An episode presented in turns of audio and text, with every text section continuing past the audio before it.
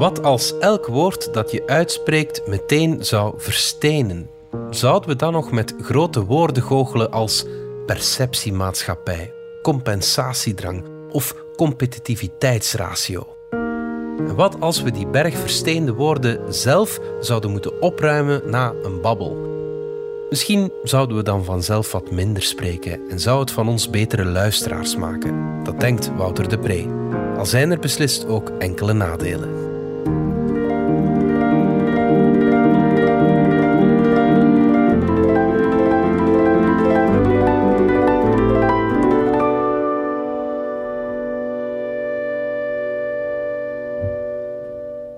Wat als elk woord dat je uitspreekt zou verstenen?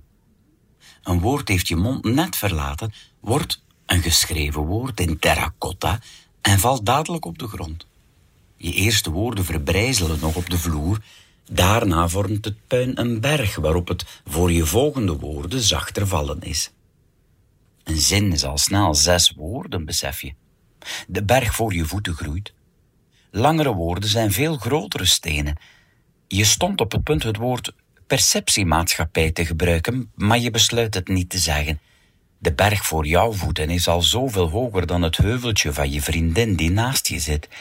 Bovendien zei je daarnet compensatiedrang en je zag de mensen naast je verschrikt opkijken toen die grote kei op je berg landde.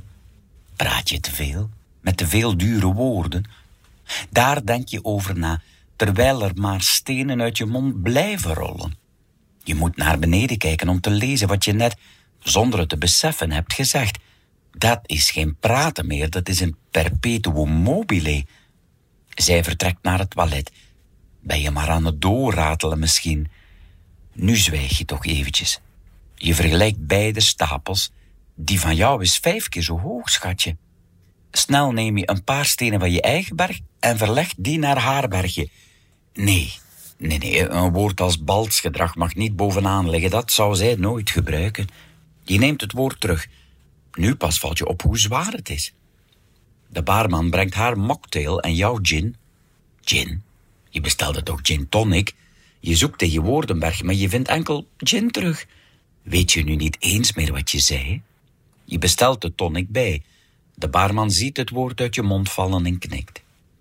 Je kijkt bovenop haar stapeltje ik voer zo met hem mee, ligt daar. Korte woorden, stil uitgesproken. Het zijn kleine steentjes. Mooi lettertype ook. Helvetica. Tijdloos en stijlvol. Je kijkt naar je eigen woorden. Je spreekt verdoemen in Comic Sans, het lelijkste lettertype dat er bestaat. En je moet dringend je volume verminderen. Op jouw stapel liggen bijna alleen maar hoofdletters. En na elke zin staat nog een uitroepteken ook. Dan zie je het bordje boven de toog.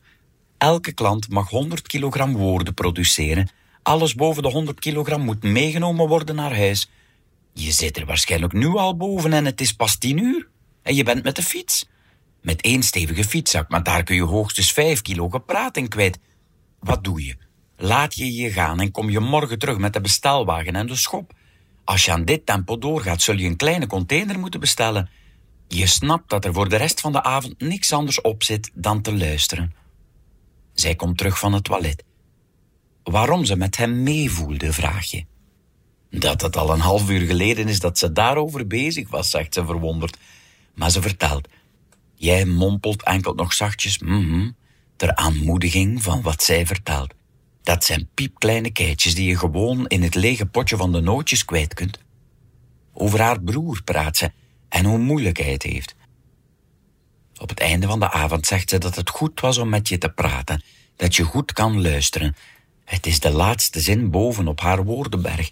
Je leest ze verwonderd na en je hebt ze nog niet vaak over jezelf gehoord. De ober weegt onze woordenberg met zijn ogen en knikt dat we kunnen vertrekken, zonder woorden mee te hoeven nemen. Je bent trots.